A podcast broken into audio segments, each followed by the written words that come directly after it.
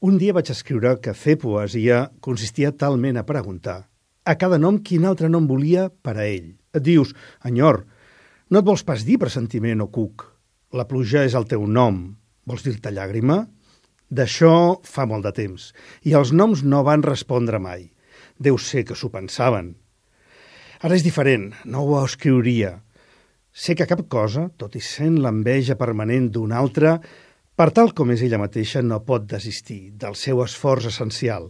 No té resposta. És pura indecisió. Només vacila i han passat molts anys i cada nom s'està morint vora el caliu del seu sentit primer i invariable.